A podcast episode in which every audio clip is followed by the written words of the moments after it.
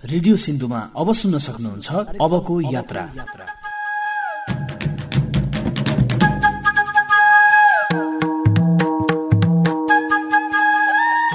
नमस्कार रेडियो पत्रिका अबको यात्रामा स्वागत छ। म दिपक खत्री। आज हामी आत्महत्याको जोखिम कम गर्ने उपायबारे छलफल गर्नेछौँ। पहिले म एकदम मनमै मुकुस भएर एकदम म कै म एक्लै छु जस्तो यो भिड छ सारा संसार छ मान्छे छन्। तर म एक्लै छु जस्तो लाग्यो अहिले मलाई त्यस्तो लागिरहेको छैन। ए मेरो पनि रहेछन् सबै भनेर। त्यो त्यो सोच आइरहेछ। आत्महत्या गर्दै गरेका व्यक्ति अथवा आत्महत्याको प्रयत्न गरिरहेका व्यक्ति के हुन्छ उसका चाहिँ क्रियाकलापहरू बोलीचालीहरू खानपिन लगायत उसको साथीहरूसँग बस उठ कुराहरू अरूभन्दा बेग्लै खालको फरक खालको व्यवहार देखाउन थाल्छ।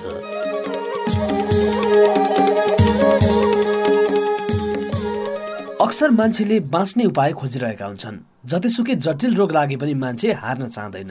रोगसँग जुधेर बाँच्न चाहन्छ।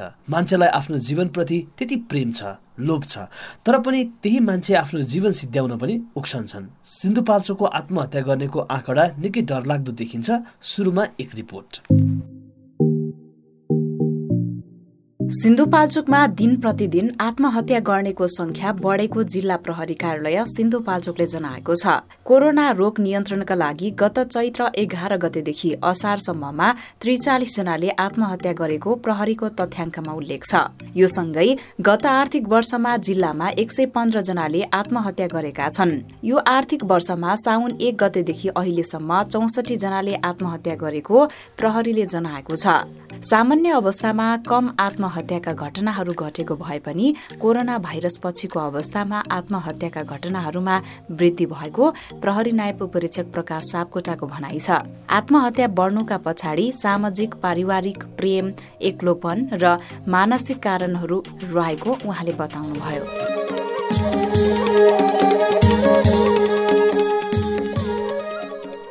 आत्महत्या गर्नेहरूलाई समाजले कायर यो दुःखबाट राहत पाउनका लागि गरिने हानिकारक कार्य स्वार्थी आदि ठान्ने गर्छन्। यसलाई मानसिक समस्या ठान्ने गरिन्छ। त्यस्ता मानिसहरू पापी एवं कमजोर मानसिकताका हुन्छन् भन्ने समाजले ठान्ने गरेको छ। आत्महत्या समस्याको परिणाम हो।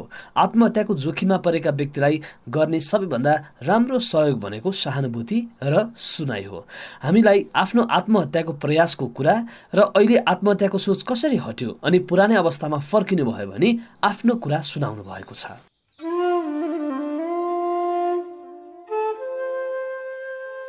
मनमा खालि आत्महत्याको विचार आउने त्यसमै अडिक रहिरहने केही देख्दैन थियो अरू अरू विकल्पहरू मेरो सामुने केही पनि हुँदैन थियो। अब किन आउँथ्यो त्यो त एक्ज्याक्टली थाहा भएन तर पनि यसमा मनोरोगको चाहिँ एउटा कारण पनि रहेछ होइन? मनोरोग ममा रहेछ देखा परेको। अब त्यो उपचार गर्दै जाँदा अथवा परामर्श लिँदै जाँदाखेरि त्यो कम हुँदै गएर अहिले चाहिँ म एकदम तन्दुरुस्त नै छु। अब त्यो विचारहरू गइसकेको छ अहिले चाहिँ। पारिवारिक सपोर्ट पनि थिएन दबाई औषधि अथवा परामर्श त्यसो केही पनि जानकारी गराउनु हुँदैन भन्थे घरबाट पनि है। मलाई त्यस्तो भयो। अब त्यो हुँदाखेरि त्यो बिचमा आएर चाहिँ त्यस्तो त्यस्तो अवस्थाहरू पनि आयो। मलाई त त्यही अलिकति मुड अलिकति मेरो स्थिर छैन होइन। कहिले डाउन हुने कहिले अप हुने कहिले मेनियामा जाने कहिले डिप्रेस हुने। त्यही भएर एकदम मुकुस मुकुस भएर छटपटिने चारैतिर केही पनि सबैमा एकदम मडारिएको कालो बादल मात्रै देखिन्थ्यो केही आशाका ज्योतिहरू केही पनि थिएनन् है। त्यही भएर अब त्यो कारणले गर्दाखेरि पनि अलिकति अप्ठ्यारो थियो धेरै पीडादायक थियो त्यो। पहिला अब आर्थिक अवस्थाले पनि कमजोर हो होइन एकदम कमजोर छ। त्यसमा पनि अलिकति फ्यामिली ब्याकग्राउन्ड सपोर्ट छैन मलाई। बुवा आमा भनेको सानैमा बित्नु हो। बुवा पछि बिते तापनि अब राम्रोसँग मेरो चाहिँ चाहिँ एउटा चाहिँ ठाउँमा लगेर उपचार गराउने अथवा त्यो अभिभावकत्व त्यसमा थिएन। त्यसको लागि चाहिँ म बासु सरकोमा आएँ। दबाई पनि लिँदै गरेँ काउन्सिलिङबाट पनि मैले त्यसलाई मैले सोच्नु चाहिँ बन्द गर्नुपर्छ बिस्तारै बिस्तारै। यो सधैँको लागि यो सोचिराख्दाखेरि फाइदा छैन भनेर चाहिँ अनावश्यक सोचहरू मैले हटाउँदै गएँ बिस्तारै बिस्तारै। अन्तिम विकल्प भनेको मान्छेले चाहिँ अब कुनै विकल्प देख्दैन अब सुसाइड गर्छ। अब त्यसमा पनि अब कस्तो भने अब सुसाइड भनेपछि चारैतिरको बाटो बन्द भएको देखिन्छ एकदम। त्यसमा चाहिँ केही केही कुनै केही विकल्प नै छैन केही नै छैन मेरो लागि केही छैन अब भनेर जुन त्यो स्थिति आउँछ त्यही भएर सुसाइड रोजिन्छ। पहिले आफ्नो सोच सोच रहेछ। पोजिटिभ तरिकाले मैले जब हेरेँ परिवारलाई आफ्नो परिवार वरिपरि जहाँ छन् तिनीहरूलाई पोजिटिभ तरिकाले हेर्न थालेँ। पहिलेका नेगेटिभ थिङ्क जति पनि विचारहरू थिए तिनीहरूलाई बाइपास गर्दै पोजिटिभ एउटा सकारात्मक नजरले हेर्न थालेपछि ममा अटोमेटिक त्यो आनन्द र त्यो एकदम खुसीको चाहिँ आउन थाल्यो। पोजिटिभ तरिकाले म जान थालेँ। किनभने पहिले मैले नेगेटिभ मात्रै हेर्थेँ तर अहिले मैले पोजिटिभ रूपमा त्यसलाई लिन थालेँ। त्यही भएर चाहिँ अहिले म त्यो यो अवस्थामा छु। मलाई चाहिँ के लाग्छ भने सबभन्दा पहिले त आफ्नो जीवनप्रतिको प्रेम नै हुनुपर्छ। किनभने जीवनप्रतिको प्रेम र स्वास्थ्य छैन भने केही पनि छैन। सम्पत्ति मात्रै भएर पनि हुँदैन। पहिले त आफ्नो स्वास्थ्य बनाउनुपर्छ अथवा के भएर गडबड भइरहेछ मनो परामर्श अथवा मनोरोग छ भने मनो परामर्शदाता अथवा साइकेट्रिस्टहरूलाई पनि देखाउनुपर्छ भएन भने अरू अरू अब जुन छन् अब आफ आफ आफूभन्दा चाहिँ माथिका मान्छेहरू ज- छन् जाने बुझेका उनीहरूसँग पनि अलिकति सल्लाह लिने होइन परामर्श लिने त्यो त्यो किसिमले गयो भने पनि अलिकति कम हुनसक्छ पहिले म एकदम मनमै कुस मुकुस भएर एकदम म कहीँ म एक्लै छु जस्तो यो भिड छ सारा संसार छ मान्छे छन् तर म एक्लै छु जस्तो लाग्यो अहिले मलाई त्यस्तो लागिरहेको छैन। ए मेरो पनि रहेछन् सबै भनेर। त्यो त्यो सोच आइरहेको छ अहिले चाहिँ। अबका दिनहरू म त्यही हो। अब पहिला चाहिँ म स्वास्थ्य बनाउँछु होइन? त्यसमा पोजिटिभमा अगाडि जान्छु। नेगेटिभ सोच्दा सोच्दा दिमागै सबै नेगेटिभ भइसकेको छ क्या। त्यसको लागि हामीले पोजिटिभको प्र्याक्टिस नै गरेका छैनौँ। त्यही भएर पोजिटिभमा गयो भने यो केही पनि होइन तपाईँहरू सजिलोसँग यसलाई जित्न सक्नुहुन्छ। काउन्सिलिङ पनि हामीलाई जरुरी छ प्लस त्यसमा मेडिसिनको पनि जरुरी छ। किनभने हामी एउटा एकले अर्कालाई छोड्यो भने कहिले ऊ हुँदैन होइन। सबै दुइटाकै सपोर्ट लिएर पनि जानुपर्छ। अब दिगदारी मेरो दिगदारी चाहिँ हट हट्छ जस्तो मलाई लाग्दैछ। त्यो चाहिँ धेरै कम भयो। अस्तिको पहिलेको तुलनामा अहिले धेरै कम भइसक्यो। मनलाई तपाईँले ठिक पार्नुभयो भने संसार अटोमेटिक ठिक। एक्लैले नसकिने रहेछ तर सपोर्ट त चाहिने चाहिन्छ यसमा। किनभने सबैको स्नेह माया ममता सपोर्ट हौसला भयो भने झन् अझ यसलाई चाहिँ बढी चाँडो चाहिँ तपाईँको सुधार्न सकिन्छ।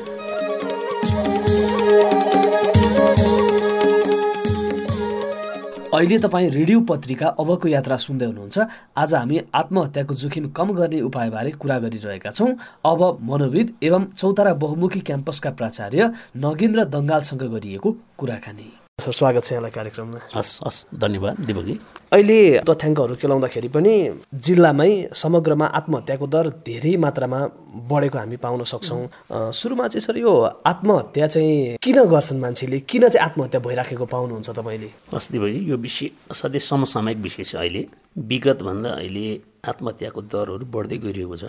र जब मानिसहरू बढ्दै हुर्किँदै जाँदाखेरि जब उनीहरू किशोर अवस्थामा प्रवेश गर्छन् र त्यतिखेर धेरै प्रकारको संवेगात्मक विकास हुन्छ। संवेगात्मक विकासको साथसाथै उनीहरूमा चाहिँ एउटा विचलन संवेगात्मक विचलन पनि भइदिन्छ। उनीहरूको आकाङ्क्षा इच्छा अभिलाषाहरू धेरै प्रकारका हुन्छन्। ती कुराहरू चाहिँ त्यो मिट नहुँदाखेरि त्यो सम्भावना नहुँदाखेरि उनीहरूमा धेरै प्रकारको चाहिँ नकारात्मक सोचाइ आइदिन्छ। त्यसै गर्दाखेरि अब यो दिपकजीले भन्नुभयो जस्तै यो सुसाइडको कारणहरूमा धेरै कारणहरू हुन सक्छन्। अब विशेष गरेर त धेरै कारणहरूमा एउटा धेरै लामो समयसम्म बिरामी भइरहँदाखेरि जसलाई हामी चाहिँ टर्मिनल इलनेस भन्छौँ अन्तिम अवस्थासम्म बिरामी हुँदाखेरि परिवारबाट पनि दिक्किएर सबैको माया स्नेहहरूबाट दिक्किएर पनि उसलाई आत्महत्याको फिलिङहरू भइदिन्छ।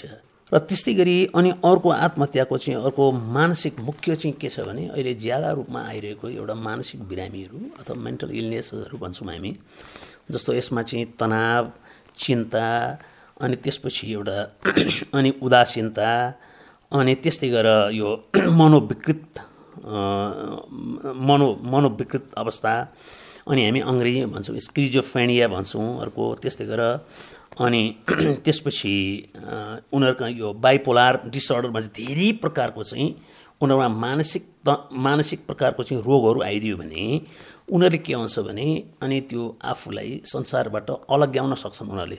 आफूलाई एक्लै चाहिँ बस्ने रुचाउने अरू समाजबाट अरू घर परिवारको सदस्यबाट टाढा रहन चाहन्छन्।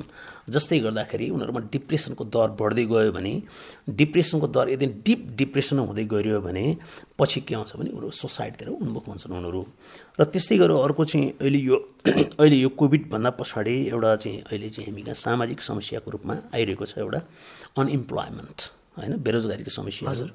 जसको कारणले चाहिँ आर्थिक समस्याहरू जसले गर्दाखेरि के हुन्छ भने उनीहरूले चाहिँ रोजगारको चान्सहरू कति देखे आउँदैनन् र नदेख्दाखेरि पनि अनि उनीहरूले के भन्छन् अन्तत गत्ता आत्महत्यातिर अनुभव भएको हामी पाउँछौँ। र अर्को चाहिँ के आउँछ भने जेनेटिक रूपमा हामी वंशानुगत रूपमै हामी त्यसलाई चाहिँ वंशानुगत यो जुन समस्याहरू हुन्छ जस्तो पैतृक रूपमा पनि जो जो अलिक कमजोर अब मनस्थिति भएका जेनेटिक रूपमा कमजोर खालको चाहिँ सन्तानहरू जन्मिएका छन् भने उनीहरूमा त्यो एउटा भल्नेरेबिलिटी भन्छ त्यसलाई। भल्नेरियाबिलिटी भन्छ। हामी कमजोर खालको चाहिँ एउटा मनस्थिति उनीहरूको चाहिँ तल्लो पुस्तामा चाहिँ तल्लो अप स्प्रिङमा तल्लो पुस्तामा सर्दै जान्छ र अनि उनीहरूमा के हुन्छ भने सानो समस्या आयो भने पनि त्यसलाई चाहिँ सामना गर्न सक्दैनन् र आत्महत्यातिर उनीहरू उन्मुख भइदिन्छन्। र हाम्रो जिल्लामा चाहिँ धेरै सो के छ भने यो अहिले चाहिँ यो यो के अरे मादक पदार्थ सेवनहरू होइन मादक पदार्थ सेवनको त्यस्तै गरेर लागु पदार्थ सेवन दुर्व्यसनीहरू पनि बढ्दै गएको छ र विशेष गरेर हाम्रो जिल्लामा चाहिँ यो विशेष गरेर जनजातिहरूमा चाहिँ लागु पदार्थ भन्दा पनि यो मादक पदार्थ सेवन मादक पदार्थ सेवनको कारणले चाहिँ अत्याधिक मादक पदार्थ सेवन गर्दाखेरि पनि उसले के हुन्छ भने घर परिवारबाट चाहिँ घर परिवारको सदस्यहरूबाट टाढा रहने अनि त्यसपछि कचिङ्गल कन्फ्लिक्ट आइदिने झैझगडा भइरहने घरमा। आर्थिक समस्या छेद विच्छेद हुन्छ र ऊ चाहिँ के हुन्छ भने एउटा छिछि र दूर दूरको पात्र भइदिन्छ। अनि उसमा चाहिँ बिस्तारै मानसिक समस्या देखिन्छ। अनि एउटा डिप्रेसन आइदिन्छ उसमा। डिप्रेसन हुँदाखेरि सोसाइटीतिर उन्मुख भइदिन्छ। र त्यस्तै गरेर अनि कतिपय मानिसहरू के हुन्छ भने अत्यधिक आकाङ्क्षा गर्ने मान्छे ओभर एम्बिस एम्बिसस हुन्छन् उनीहरू। ओभर एम्बिससका मान्छेहरू पनि किनभने उनीहरूको चाहिँ अहिलेको चाहिँ एउटा अहिलेको एउटा च्यालेन्ज अहिलेको चाहिँ यो ट्रेन्ड कस्तो आयो युवाहरूमा हरेक सुविधाहरू चाहिने उनीहरूलाई चाहिँ आवश्यकताहरू बढ्दै गइरहेको छ। अघिल्लो पुस्ता जस्तो छैन उनीहरूको धेरै भौतिक आवश्यकताहरू खोजी गरिरहन्छन्। अनि त्यो भौतिक अवस्थाहरू खोजी गर्दाखेरि आफ्नो आवश्यकता अरूको भन्दा कमी भयो भने पनि उनीहरूलाई आफूलाई ग्लानी ठान्छन्। त्यो ग्लानीको कारणले पनि आत्महत्यातिर उन्मुख भएको कतिपय पाइन्छ। र त्यस्तै गरेर कतिपय महिलाहरू होइन ज्यादा चाहिँ अब सताइएका छन् महिलाहरू घर परिवार। श्रीमानबाट सति सताइएको छ। र त्यसपछि अनि समाज समुदाय र अब त्यस्तै गरेर अरू युवा व्यक्तिहरूले पनि सताएको छ भने पनि उनीहरूले के आउँछ भने एक प्रकारको आफ्नो अस्मिता नै गुम्ने खालको भयो भने बरु आत्महत्या गरेको उदाहरणहरू छ। र त्यस्तै गरेर अर्को पर्सनालिटी डिसअर्डर भन्छ होइन? यसलाई चाहिँ हामी व्यक्तित्वको विचलन भन्छौँ हामी। कतिपय मानिसहरू एकदम उच्च पदस्थका मान्छेहरू हुन्छन् पछि गएर व्यक्तित्व गिर्दै गिर्दै घट्दै घट्दै गयो मान सम्मानहरू घट्दै गयो भने म बाँच्नुभन्दा मर्नै ठिक छ भनेर पनि आत्महत्या गरेको यस्ता अनगिन्ती उदाहरणहरू छन् हामी कहाँ? समुदायमा हेर्ने हो भने कुनै व्यक्तिले आत्महत्या गरिसकेपछि चाहिँ फलानुले आत्महत्या गरे भनेर त्यो घटनाक्रम बाहिर आउँछ। तर आत्महत्या गर्नु अगाडि आफूलाई हत्या गर्ने अवस्थामा पुग्नुभन्दा पहिला चाहिँ उसले देखाउने त्यस्ता केही लक्षणहरू हुन्छन् जो चिन्न सक्यो भनेदेखि चाहिँ उसले आफैले आफूलाई मार्नबाट चाहिँ जोगिन सकोस्। त्यस्ता केही लक्षणहरू परिवारका सदस्य छिमेकीले थाहा पाउने कुराहरू छन् यो थाहा पाउन सकिन्छ। एकदम प्रशस्त थाहा पाउन सक्छन् देवीजी यो विषयमा एकदम राम्रो विषय छ। जस्तो उदाहरणको लागि जो आत्महत्या गर्दै गरेका व्यक्ति अथवा आत्महत्याको प्रयत्न गरिरहेका व्यक्ति के हुन्छ उसका चाहिँ उसको क्रियाकलापहरू। उसको चाहिँ बोलीचालीहरू खानपिन लगायत उसको साथीहरूसँग बसउठ कुराहरू अरूभन्दा बेग्लै खालको फरक खालको व्यवहार देखाउन थाल्छ। र अनि जस्तो अब मैले भने होइन भने नि जस्तो डिप्रेसन अथवा त्यसलाई हामी चाहिँ एक प्रकारको चाहिँ गहिरो प्रकारको चाहिँ डिप्रेसन डिप डिप्रेसन भइदियो भने त्यो व्यक्ति चाहिँ के भन्छ भने अरूबाट टाढा टाढा हुँदै जाने एक्लै बस्ने खालको र उसले के आउँछ भने अब मृत्युबारे बरोबर अरू साथीहरूलाई सोध्दै जाने आफ्नो जीवन व्यर्थ छ किन बाँच्नु भन्ने बारे कसै न कसैलाई उसले सङ्केत गरिरहेको हुन्छ। घर परिवारको सदस्य उसको चाहिँ एकदम कलिग अथवा साथीहरू मिल्दो साथीहरू या कसैलाई सङ्केत गरिएको हुन्छ। र उसको यदि सङ्केत गरेको छैन भने पनि हामीले यदि चाहिँ उसको व्यवहार सामान्य नभएर असामान्य व्यवहार सामान्य भइरहेका ठाउँबाट असामान्य व्यवहार हुँदै गयो एबनर्मल बिहेभियर हुँदै गइरह्यो भने जस्तो उसको रेगुलर होइन नियमित व्यवहारभन्दा फरक खालको व्यवहार उसको हिँडाइमा फरक बोलाइमा फरक खानेकुराहरूमा चाहिँ उसले खान मन नगर्ने निद्रा नलाग्ने आदि कुराहरू बढ्दै जाँदाखेरि ती लक्षणहरू यदि थाहा पाउन सक्यो घर परिवारले थाहा पाउन सक्यो र अनि त्यसपछि छरछिमेक लगायत अन्य एकदम सरकार व्यक्तिले ती कुराहरू थाहा पाउन सकियो भने उनीहरूलाई चाहिँ बेलैमा उसलाई चाहिँ सल्लाह दिएर परामर्श दिएर उसको समस्याहरूको जडैदेखि जगैदेखि त्यो समस्या बुझेर अब समस्या कसरी समाधान गर्न सकिन्छ किनभने हरेक समस्याको समाधान हुन्छ कि जो व्यक्ति चाहिँ जो आत्महत्या गर्छ समस्याको समाधान गर्न सकेर आत्तिएर उसले चाहिँ आफ्नो चाहिँ समस्याको पहाडै पहाड देख्छ उसले म यसलाई पारै गर्न सक्दैन म बाँच्नुको व्यर्थ छ भनेर अगाडि बढ्छ। र अनि यदि त्यस्तो चाहिँ हामीलाई चाहिँ सङ्केत उसका चाहिँ आत्महत्या गर्ने सङ्केतहरू प्रशस्त हुन्छन् त्यो। सिम्टमहरू हुन्छन्। शारीरिक रूपमा पनि देखिन्छ उसको बिहेभियर रूपमा व्यवहारिक रूपमा पनि देखिन्छ र उसको कग्नेटिभ रूपमा देखिन्छ संज्ञान रूपमा पनि देखिन्छ संज्ञानात्मक रूपमा पनि देखिन्छ। भनेको यो केसहरू हेर्दाखेरि जसले आत्महत्या गर्नुहुन्छ तत्काल सेकेन्डको सेकेन्डको त्यो निर्णय भन्दा पनि लामो योजना उनीहरूले बनाइरहेका हुन्छन् भनेर बुझ्न सकियो? एकदम केही समय उनीहरूको चाहिँ त्यो योजना बनाएकै हुन्छन् उनीहरूले। उनीहरूले आत्महत्या गर्न जाँदाखेरि पहिलो पटकमै आत्महत्या गर्छु भनेर कमैले मात्रै जान्छन्। हजुर। किनभने उसले प्रयत्न गरेको हुन्छ तर त्यसबाट फेरि रिटर्न भएको हुन्छ फर्केको हुन्छ। फेरि मैले किन आत्महत्या गर्ने भनेर केही कुरा सम्झेको हुन्छ फर्केको हुन्छ। तर त्यो अवस्थामा हामीले अब त परिवारको सदस्यहरू लगायत अरू चाहिँ सरकार व्यक्तिहरू उसका साथीभाइहरू जसले थाहा पाइरहेका व्यक्तिहरूले त्यो कुराहरूको सङ्केत थाहा पाइरह्यो भने उसलाई फर्काएर फेरि सुधारेर उसको समस्यालाई समाधान गरेर उसलाई नर्मल लाइफमा सामान्य जीवनयापन गर्नको लागि ल्याउन सकिन्छ। त्यतिखेर कस्तो खालको भूमिका चाहिँ खेल्न जरुरी छ ताकि उसले आत्महत्याको सोच त्याग्न सकोस् पुरानै जीवनमा फर्कन सकोस् त्यसको लागि अब त्यतिखेर चाहिँ विशेष गरेर के हुन्छन् मनोवैज्ञानिक परामर्शको आवश्यकता हुन आउँछ। किनभने उसलाई गाली गरेर उसलाई चाहिँ हप्काएर उसलाई तर्साएर हुँदैन। किनभने झन् झन् उसमा चाहिँ नैराश्यता बढ्दै जान्छ फ्रस्ट्रेसन बढ्दै जान्छ उदासीनता बढ्दै जान्छ। र त्यसले गर्दाखेरि उसको समस्यालाई बुझेर उसको समस्या के हो त? आर्थिक कारणले हो या पारिवारिक कचिङ्गल झैझडा कारणले हो या उसकी आदत चाहिँ के हुन्छ भने बढी चाहिँ मादक पदार्थ सेवनको कारणले भएको छ या कुनै असफलता कारणले भएको छ या जबै नपाएर चाहिँ बेरोजगार भएर भएको छ यी कुराहरू हामीले बुझेर ज जगैसम्म बुझेर किनभने समस्याको समाधान नहुने भन्ने हुँदैन।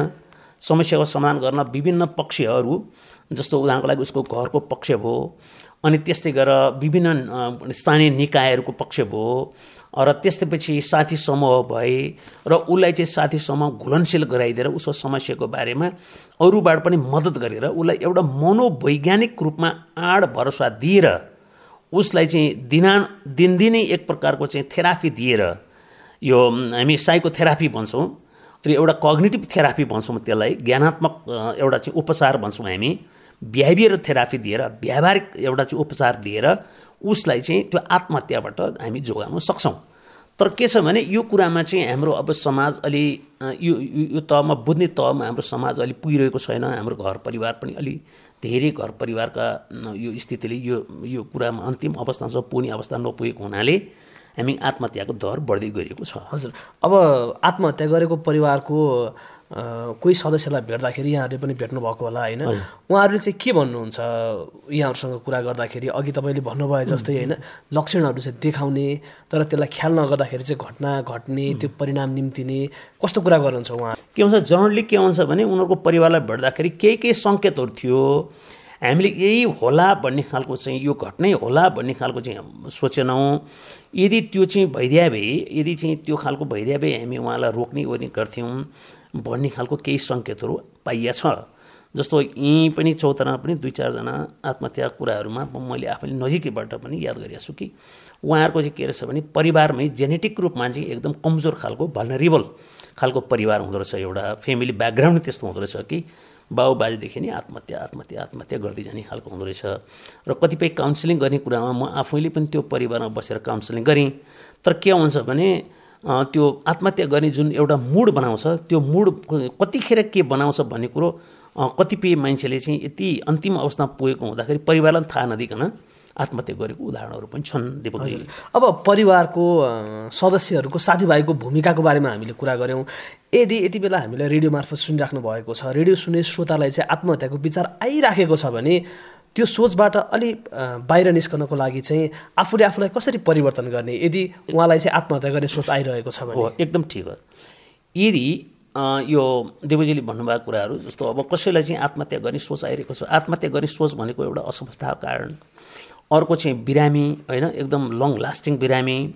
अब हामी त्यसलाई ट्रमाटिक एउटा स्ट्रेसहरू भन्छौँ स्ट्रेसहरू होइन एन्जाइटीहरू धेरै भएको छ भने उहाँले के हुन्छ भने मलाई यो खालको भइरहेको छ भन्ने खालको लाग्यो भने एक्लै नबस्ने आफ्नो कुराहरू साथीभाइलाई व्यक्त गर्ने समस्या भएको कुराहरू व्यक्त गर्ने। मनको कुरा जति फुकायो। कुरा जति फुकायो त्यति नै के हुन्छ भने हल्का भएर जान्छ।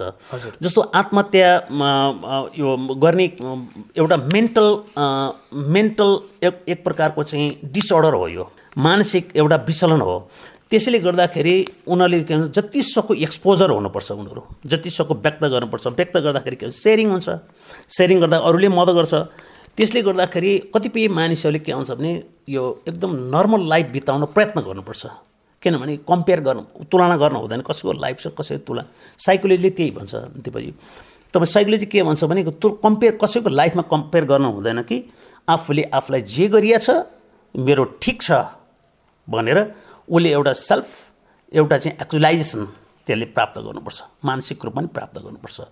होइन? सेल्फ त्यसलाई हामी एउटा एक्जिस्ट एक्जिस्ट एक्जिस्टेन्सियल थेरापी पनि भन्छौँ। एक्जिस्टेन्सियल थेरापी भन्छौँ। र यदि त्यो आफैले आफैलाई चाहिँ कन्ट्रोल गर्न सक्नुपर्ने चाहिँ एक नम्बरमा दोस्रो नम्बरमा चाहिँ के हुन्छ भने उसले आफ्नो कुराहरू साथीभाइ घर परिवारलाई सेयरिङ गर्नुपर्छ। मलाई यो भइरहेको छ। जसले गर्दाखेरि के हुन्छ भने स्वास्थ्य केन्द्रमा अनि त्यस्तै परामर्शदातामा क्लिनिसियनमा उपचार गर्ने व्यक्तिहरूमा पुर्याउन सकिन्छ। जसले गर्दाखेरि यो घटनाहरूबाट जोगिन सकिन्छ। र अनि कतिपय कुराहरूमा के आउँछ भने एकदम सानोतिनो काम भयो भने व्यस्त रहिरहनु पर्ने हुन्छ। जस्तो धेरै सो हाम्रो जिल्लामा बुढापाकाहरूले आत्महत्या गरेको उदाहरणहरू पनि छ। र उनीहरू के हुन्छ भने नि उनीहरू पनि के हुन्छ भने उनीहरूलाई पनि एउटा कुनै फोरम होइन कुनै एउटा मञ्च बुढापाकाहरू सँगै बसेर सेयरिङ गर्ने आफ्नो भावना सेयरिङ गर्ने त्यो खालको स्थानीय निकायहरूले चाहिँ एक प्रकारको मञ्चको खडा गर्नुपर्ने हुन्छ ताकि उनीहरू त्यहाँ बसेर आफ्नो सेयरिङ गर्छन्। अनि सेयरिङ आफ्नो भावनाहरू सेयरिङ गर्छन्। एक आपसमा जसले गर्दाखेरि उनीहरूलाई स्ट्रेस कम भइदिन्छ। स्ट्रेस कम भयो एन्जाइटी कम भयो भने डिप्रेसन हुँदैन। डिप्रेसन भएन भने अनि डिप डिप्रेसन भएन भने अनि सोसाइटीबाट जोगाउन सकिन्छ। हजुर। अब शरीरका अङ्ग प्रत्यङ्गहरू दुख्दाखेरि त हामी उपचार गर्न अस्पताल जान्छौँ तर मन दुख्दाखेरि एउटा मानसिक रूपमा चाहिँ त्यो विचलन पैदा हुँदाखेरि चाहिँ यो खालका अवस्थाहरू निम्तिन्छन्। हामी समुदायमा सरस्वती हेर्ने हो भने पनि कतिपय मानसिक समस्या भएका व्यक्तिहरूले चाहिँ बारम्बार आत्महत्याको प्रयास गर्ने परिवारलाई चाहिँ एक किसिमको डर न उसले चाहिँ यो निर्णय लिइहाल्छ कि भन्ने खालको अवस्था रहिरहेको हामी देख्न सक्छौँ त्यो घटनाहरू। के भन्नुहुन्छ उहाँहरूलाई? अब यो के छ भने शारीरिक र मानसिक भन्ने दुईवटा पक्ष रहेछ। हाम्रो व्यक्तित्व भनेको शारीरिक मानसिक मानसिक विशेष गरेर एकदम शारीरिक रूपमा र मानसिक रूपमा सबल भयो भने मात्र व्यक्तित्व मानिन्छ त्यसलाई। र शारीरिक रूपमा चाहिँ मान्छेले चाहिँ उपचार गर्न हिचकिचाउँदैनन् होइन? आफूलाई कहाँ के भएको छ दुखेको ओरेको चोटपटक लागेको शरीरको भित्री बाहिरी अङ्गहरूमा कहाँ के भयो जान्छन्। तर हाम्रो समाजमा एउटा स्टिगमा छ त्यसलाई पुरानो कुरीतिहरू छ कुविचार छ कि मानसिक रोगी जस्तो अब मानसिक रोग भयो भने समाजमै एउटा छिछिर दूर दूर हुने बोलायो भन्ने। हेलाको दृष्टिकोणले हेर्ने जस्तो साइकोसिस भन्छौँ हामी त्यसलाई। त्यसलाई करिब करिब पागलिक रूपमा भनिन्छ। त त्यस्तो मान्छेलाई चाहिँ के भन्छ समाजले हेर्ने दृष्टिकोण फरक भएको हुनाले त्यो मान्छेले चाहिँ सोझै गरेर अस्पतालमा मलाई यो हो भनेर भन्न सक्ने अवस्था अहिलेसम्म भइरहेको छैन। तर यो चाहिँ चेतना कमी हो। हामीले जति बढी यसलाई प्रचार गरेर एउटै प्रकारको शारीरिक मानिसको रोग एउटै प्रकारको हो किनभने शारीरिक रोग हुँदाखेरि मान्छेले मुटु रोगी मान्छेले जीवनभर औषधि खाइरहन्छ। सुगर रोग हुनेले जीवनभर औषधि खाइरहन्छ तर मानसिक रोग हुनेले चाहिँ औषधि खाइरहे पनि लुकाउन चाहन्छ त्यो। त्यसैले हाम्रो समाजमा एक प्रकारको पुरानो एउटा एउटा यो परम्परागत जुन एउटा सोच छ त्यो सोचलाई चिर्नु पनि आवश्यक देखिन्छ जसले गर्दाखेरि अनि आत्महत्या कुराहरू कम दरलाई कम गर्न सकिन्छ। र त्यसै गरी अब यो पश्चिमाहरूमा के आउँछ भने मुड डिसअर्डर। हजुर। मुड डिसअर्डर भयो भने पश्चिमाहरूले चाहिँ आत्महत्या गर्छन् बढी। उनीहरूको चाहिँ हाम्रोभन्दा फरक छ। उनीहरूको डेभलप कन्ट्रीहरूमा विकसित मुलुकहरूमा चाहिँ मुड डिसअर्डर भइदियो भने उनीहरूले आत्महत्या गरिहाल्छन्।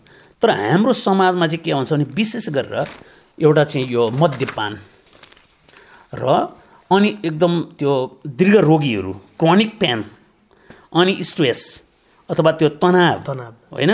अथवा चिन्ता र अनि त्यसपछि अर्को उदासीनता यही कारणले चाहिँ हामी कहाँ बढी चाहिँ समस्या आइरहेको छ पश्चिममा र हाम्रो फरक छ। तर उनीहरूको र हाम्रो कल्चर चाहिँ धेरै डिफ्रेन्ट छ फेरि धेरै फरक छ।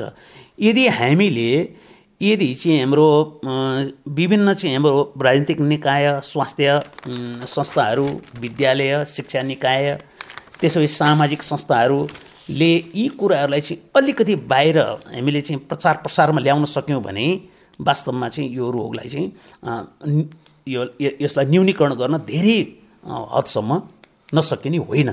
अब अन्तमा रेडियो सुनिराख्नु भएको श्रोताहरूलाई के भन्नुहुन्छ? अब अन्तिममा के हो भने आत्महत्या भनेको एउटा व्यक्तिले जुन आत्महत्या गर्छ त्यो एउटा जटिल सामाजिक समस्या हो त्यो। त्यसलाई हामीले एउटा व्यक्ति को घटना यस्तो भएछ फलानु परिवारमा यस्तो भएछ भनेर त्यसलाई एउटा चाहिँ सिङ्गल समस्याको रूपमा नलिएर यो एउटा जटिल सामाजिक समस्याको समस्या हो समाजको। र अहिले के छ भने अहिले चाहिँ अहिलेको ट्रेनमा अब उनीहरूले संसारको कारणले पनि दिपकजीले होइन भन्नुभयो संसारको कारणले पनि के भन्छ यहाँ आत्महत्या गर्यो यसो आत्महत्या गर्यो। कर्णालीमा चाहिँ खोला बच्चा बच्ची लिएर चाहिँ चारजना चाहिँ महिला खोलामै फलाल्यो। यी कुराहरू सुनेपछि के हुन्छ भने मान्छेलाई जो आत्महत्याको लागि चाहिँ उन्मुख भइरहेका हुन्छ नि उनीहरूलाई एउटा प्रेरणादायी संसार भइदिन्छ त्यो पनि। हजुर। होइन? त्यसले गर्दाखेरि एउटा जटिल सामाजिक समस्या भएको हुनाले यसको रोकथामको लागि एउटा पक्ष लागेर मात्र हुँदैन बहुपक्ष निकायहरू जस्तो शिक्षा स्वास्थ्य त्यस्तै गरेर उसको पेसा व्यवसाय कानुन राजनीतिक सूचना लगायत सम्पूर्ण पक्षहरूको सहयोगात्मक एकदम सहभागितात्मक सहभागितात्मक कोलाबरेट कोलाबरेटिभ रूपमा कोअपरेसन एन्ड कोलाबरेटिभ रूपमा चाहिँ उत्तिकै आवश्यक छ जसले गर्दाखेरि के हुन्छ भने यो हामी साझा समस्या हो। साझा समाजको साझा समस्या भएको हुनाले हामीले यसलाई निराकरण गरेर यसबाट छुटकारा गर्नुपर्छ। समाज उन्नत समाज बनाउनुपर्छ। योग्य व्यक्तिहरूको समाज बनाउनुपर्छ। यस्तो अशुभ आत्महत्याको अशुभ कुराहरूलाई न्यूनीकरण जानु गरेर जानुपर्छ भन्ने कुरामा यदि सबै पक्ष लाग्यो भने यसलाई न्यूनीकरण गर्न हुन्छ। हस् व्यस्त हुनुहुन्थ्यो। समय महत्त्वपूर्ण विचारको लागि धन्यवाद हस् थ्याङ्क यू देवजी थ्याङ्क यू मलाई एउटा अवसर दिनुभएको छ। मेरो यो आफ्नो विषय पनि भयो। मैले भर्खरै यो विषयमा अलिकति अध्ययन गरेर आफूलाई चाहिँ एक एक प्रकारको चाहिँ मेरो रुचि पनि थियो। यो विषयमा मलाई मौका दिनुभएको दिपजीलाई धेरै धन्यवाद।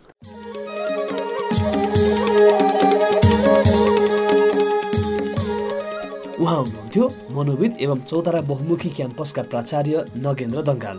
उहाँले भन्नुभए चाहिँ तपाईँको परिवारको सदस्य तथा आफन्तले आत्महत्याको सोच तथा सङ्केत देखाएको छ भने उहाँलाई थाहा दिनुहोस् कि उहाँ एक्लै हुनुहुन्न र तपाईँ उहाँको वास्ता गर्नुहुन्छ। उहाँको बारेमा चासो राख्नुहुन्छ। त्यस्ता व्यक्तिलाई आराम गर्न दिने बिरामीका कुरा पूर्ण रूपमा सुन्ने र उसलाई आफ्नो भावना व्यक्त गर्न प्रोत्साहन गर्ने कार्य गर्नुपर्छ हामी सबैले। विश्वासिलो सम्बन्ध बनाउने तर उसका जानकारीहरू गोप्य राख्ने र उसको भावनाप्रति संवेदनशील हुने कार्य गर्नुपर्छ। आत्महत्याको जोखिममा भएका व्यक्तिलाई सहयोग गर्नका निम्ति साहस र धैर्यको जरुरत पर्छ। राम्रोसँग कुरा गरेको खण्डमा आत्महत्याको सोचाइप्रतिको भावना उथल पुथल हुन सक्छ। आजलाई रेडियो पत्रिका अबको यात्रा यति नै। कार्यक्रम सुनिसकेपछि तपाईँलाई लागेका आफ्ना कुरा हामीलाई भन्न Sindhu radio at the rate Gmail dot कममा इमेल लेख्नुहोला। शून्य एघार छब्बिस तिन सय छ्यानब्बेमा फोन पनि गर्न सक्नुहुन्छ। यो कार्यक्रम पोडकास्टमा समेत उपलब्ध छ। रेडियो सिन्धु एक सय पाँच र सिन्धु एफएम एक सय दुई थुप्लो आठ मेगाहर्चमा बिहिबार बिहान साढे छ बजे र पुनः प्रसारण बिहिबार साँझ साढे छ बजे रेडियो पत्रिका अबको यात्रा सुन्दाइराख्नु भएको छ। आजलाई कार्यक्रम उत्पादन टिमका सबै साथीहरू बिदा हुन्छौ। नमस्ते।